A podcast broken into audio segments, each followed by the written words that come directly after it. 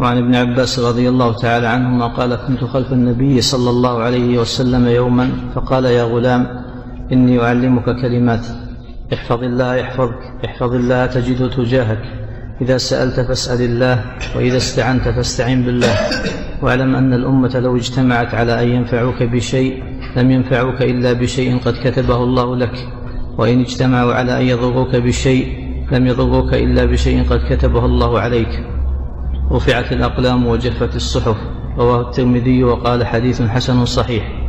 وفي رواية غير الترمذي احفظ الله تجده أمامك تعرف إلى الله في الرخاء يعرفك في الشدة.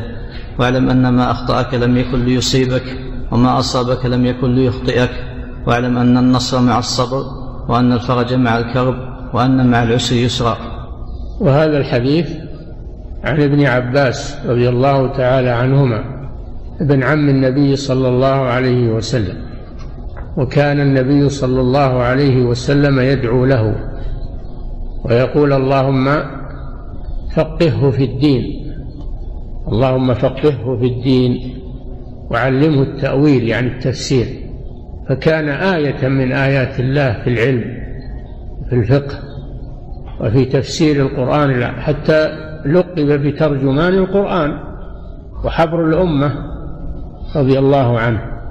وكان طفلا صغيرا توفي الرسول صلى الله عليه وسلم وهو لم يبلغ لم يبلغ الحلم.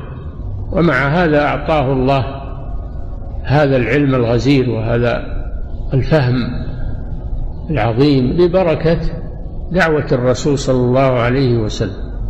فقال يا غلام والغلام هو الصغير. هذا فيه دليل على العناية بالصغار. على العناية بالصغار وتوجيه الصغار. يا غلام إني أعلمك كلمات. وهذا فيه أن العلم يؤخذ شيئا فشيئا. الكلمات يسيرة أول شيء ثم ينمو ويزداد أو يؤخذ العلم دفعة واحدة. أعلمك كلمات. كلمات يعني يسيرة. لكنها كلمات جوامع. يعني كلمات الرسول صلى الله عليه وسلم ليست ككلمات غيره. أعلمك كلمات. احفظ الله يحفظك. احفظ الله يعني احفظ أوامر الله وفرائض الله. احفظها واحفظ محارم الله اجتنبها احفظ الله بفعل أوامره وترك نواهيه. هذا حفظ الله حفظ دينه. احفظ الله أي احفظ دينه. لأن الله جل وعلا لا يحتاج إلى حفظ. هو الذي يحفظ الناس ويحفظ الخلق والكون. إنما المراد أنه يحفظ دينه دين الله جل وعلا. الله هذا من قبل العبد. يحفظك هذا من قبل الله. هذا جزاء والجزاء من جنس العمل. فإذا حفظت الله فإن الله يحفظك عما تكره. يحفظك عما تكره في دينك ودنياك. هذه ثمرة حفظ الله وحفظ أوامره ونواهيه. احفظ الله يحفظك. هذه واحدة. ثانية احفظ الله هذا تأكيد. تجده تجاهك. الأولى يحفظك وهذا تجده تجاهك. وفي الرواية الآتية تجده أمامك. تجاهك يعني أمامك.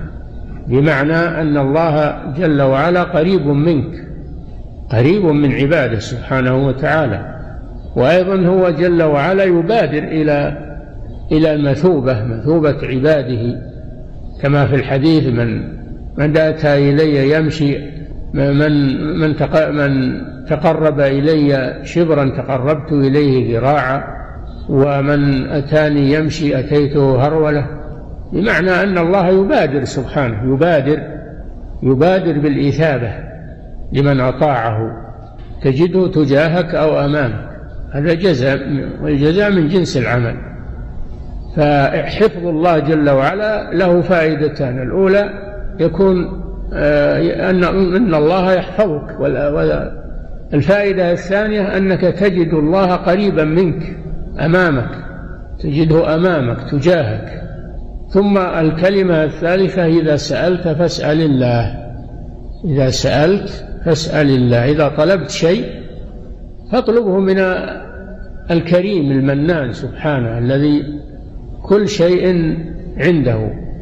ولا تسأل الناس لا تسأل الناس. وسؤال غير الله على نوعين سؤال غير الله فيما لا يقدر عليه إلا الله وهذا شرك.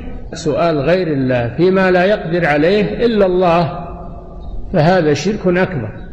كالذين يدعون الأموات ويستنجدون بالموتى ويستغيثون بهم ويطلبون منهم الحوائج هذا شرك أكبر يجي عند القبر يا فلان يا أغثني يا فلان كذا يا ولي الله يا هذا شرك أكبر النوع الثاني سؤال الناس فيما يقدرون عليه. فيما يقدرون عليه. هذا جائز لكن الأحسن أنك تتعفف. الأحسن أنك تتعفف. ولا جائز أنك تسأل إذا احتجت. لكن الأحسن أنك تتعفف عن السؤال لأن السؤال ذلة السؤال ذلة وهو نقص في التوحيد. فاسأل الله جل وعلا. والله غني كريم وينزل إلى سماء الدنيا كل ليلة حين يبقى ثلث الليل الآخر فيقول من يسألني فأعطيه من يسألني فأعطيه. وإذا سألك عبادي عني فإني قريب أجيب دعوة الداعي إذا دعان. فليستجيبوا لي وليؤمنوا بي لعلهم يرشدون. إذا سألت فاسأل الله وإذا استعنت فاستعن بالله. الإعانة طلب الاستعانة طلب العون طلب العون. إياك نعبد وإياك نستعين فهو نوع من العبادة. وعطفه على العبادة للاهتمام به للاهتمام به وله نوع من العبادة. الاستعانة. فالاستعانة مثل السؤال إن كان الاستعانة بالمخلوق فيما لا يقدر عليه إلا الله فهذا شرك أكبر. وإن كانت الاستعانة بالمخلوق في شيء يقدر عليه فهذا يجوز لكن تركه أحسن لأن فيه ذلة لأن فيه ذلة وحاجة إلى الناس. كونك تستغني بالله عز وجل هذا أفضل لك. إذا استعنت فاستعن بالله. هذه أربع كلمات. و والخامسة فيه فيها الإيمان بالقضاء والقدر. واعلم أن الخلق لو اجتمع الخلق كلهم لو اجتمعوا على أن ينفعوك بشيء لم ينفعوك إلا بشيء قد كتبه الله لك يعني قدره. قدره لك كتبه لك في اللوح المحفوظ. ولو اجتمعوا على أن يضروك بشيء لم يضروك إلا بشيء قد كتبه الله عليك. هذا فيه الإيمان بالقضاء والقدر وأن الناس لا يقدرون على أن ينفعوك أو يضروك إلا بما كتبه الله لك على أيديهم من نفع أو ضر على أيديهم. هم سبب فقط وأما النافع الضار فهو الله جل وعلا. إنما الناس سبب. إذا أمرهم الله نفعوك وإذا لم يأمرهم الله لم ينفعوك. فعليك بالإيمان بالقضاء والقدر. ثم قال صلى الله عليه وسلم رفعت الأقلام جفت الصحف. معناه أن أن أن القدر قدر وانتهى ولن يغير. أن القضاء الذي قدره الله لا يغير.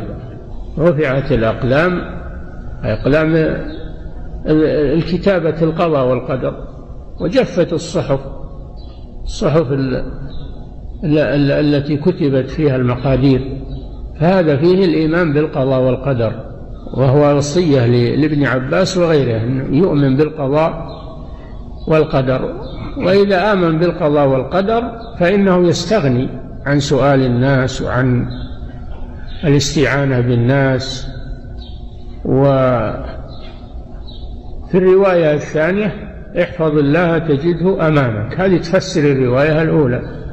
وعرفنا معنى احفظ الله. احفظ الله تعرف إلى الله في الرخاء يعرفك في الشدة.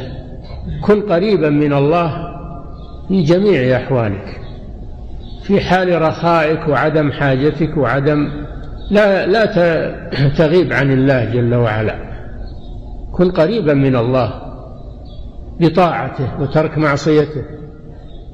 والإنسان إذا أنه استغنى نسي الله عز وجل كلا إن الإنسان ليطغى أن رآه استغنى. آه، إذا استغنى نسي الله عز وجل وظن أنه ليس بحاجة إلى الله. ف وإذا مرض الإنسان لجأ إلى الله وإذا صح وشفي نسي الله عز وجل. فهذه حالة سيئة. هذه تدل على ضعف الإيمان. تدل على ضعف الإيمان. يعرفك في الشدة. إذا وقعت في خطر وفي شدة وأنت مطيع لله في حالة الرخاء فإن الله ينقذك بأعمالك الصالحة. مثل حديث أصحاب الصخرة الذين انطبقت عليهم الصخرة في الغار ولم يستطيعوا الخروج. لما كانت لهم أعمال صالحة سابقة فرج الله عنهم هذا دعا توسل إلى الله ببره بوالديه وهذا توسل إلى الله جل وعلا بحفظ فرجه من الزنا بعدما تمكن منه تركه خوفا من الله. وهذا توسل إلى الله بأمانته وحفظه لأجرة الأجير الذي ترك أجرته عنده ذهب حفظها له ونماها فلما جاء أعطاها إياه ففرج الله عنهم فرج الله عنهم. الله جل وعلا يقول عن أصحاب الجنة إنهم كانوا قبل ذلك قبل ذلك أي في الدنيا محسنين. كانوا قليلا من الليل ما يهجعون بالأسحار هم يستغفرون. قبل ذلك. وهم في الدنيا. وقال الله جل وعلا في يونس عليه السلام صاحب الحوت فلولا أنه كان من المسبحين يعني من المصلين في حالة الرخاء للبث في بطنه إلى يوم يبعثون. أنجاه الله بسبب أعماله الصالحة التي أسبقها. فالمسلم ما ما هو ما يعرف الله إلا في حالة الشدة. هذا الكفار الكفار يعرفون الله في حالة الشدة. وإذا مسكم الضر في البحر ظل من تدعون إلا إياه. الكفار يعرفون الله في حالة الشدة. إذا وقعوا في في الخطر أخلصوا الدعاء لله عز وجل. المؤمن لا المؤمن يعرف الله في كل الأحوال في حال رخائه وفي حال شدته. تعرف إلى الله في الرخاء أي في حالة السعة وحالة الغنى وحالة الصحة وحالة يعرفك إذا وقعت في يعني ينقذك ينقذك إذا وقعت في ورطة. تعرف إلى الله في الرخاء يعرفك في الشدة. هذه وصية عظيمة. واعلم أن النصر مع الصبر. الإنسان يبتلى في هذه الحياة. تعرض له آلام ومشاق. ومكاره لكن عليه بالصبر يتحمل. والشدائد ما تدوم. الشدائد تزول. لا بد من الصبر. يقابل الشدائد بالصبر عليها حتى يزيلها الله عنه ولا يجزع ولا يسخط. اعلم أن النصر مع الصبر. أما إذا جزع الإنسان سخط فإن الله يخذله. وأن الفرج مع الكرب كل ما اشتد الكرب تطلع إلى الفرج. فإن الفرج قريب فإن الفرج قريب إذا اشتد الأمر. والله جل وعلا يقول إن مع العسر يسرا إن مع العسر يسرا. حتى يقول الرسول والذين آمنوا معه متى نصر الله؟ ألا إن نصر الله قريب. فإذا اشتد الأمر فاعلم أن الفرج قريب ولا تيأس. فلا تيأس وتقنط من الفرج وأن مع العسر يسرا هذا كما في القرآن فإن مع العسر يسرا إن مع العسر يسرا. العسر مرة واحدة لأنه بالألف واللام واليسر مرتين لأنه منكر يقتضي التكرار. فكل عسر معه يسران ما هو يسر واحد فقط. وهذا من فضل الله سبحانه وتعالى. ويدل على أن الإنسان لا يضيق به الأمر أبدا ولا يقنط من رحمة الله وأن يتوقع الخير من الله دائما وأبدا. ولا نحد في هذه الدنيا مسالم لا بد يحصل عليه ما يحصل فعليه أن يقابل هذه الأمور بالصبر النصر مع الصبر والفرج مع الكرب والعسر يصبر عليه بانتظار اليسر من الله سبحانه وتعالى. الله لا يترك عبده ابدا لكن يبتليه. الله لا يترك عبده ولكنه يبتليه. ليظهر صبره وتحمله وإيمانه بالله عز وجل.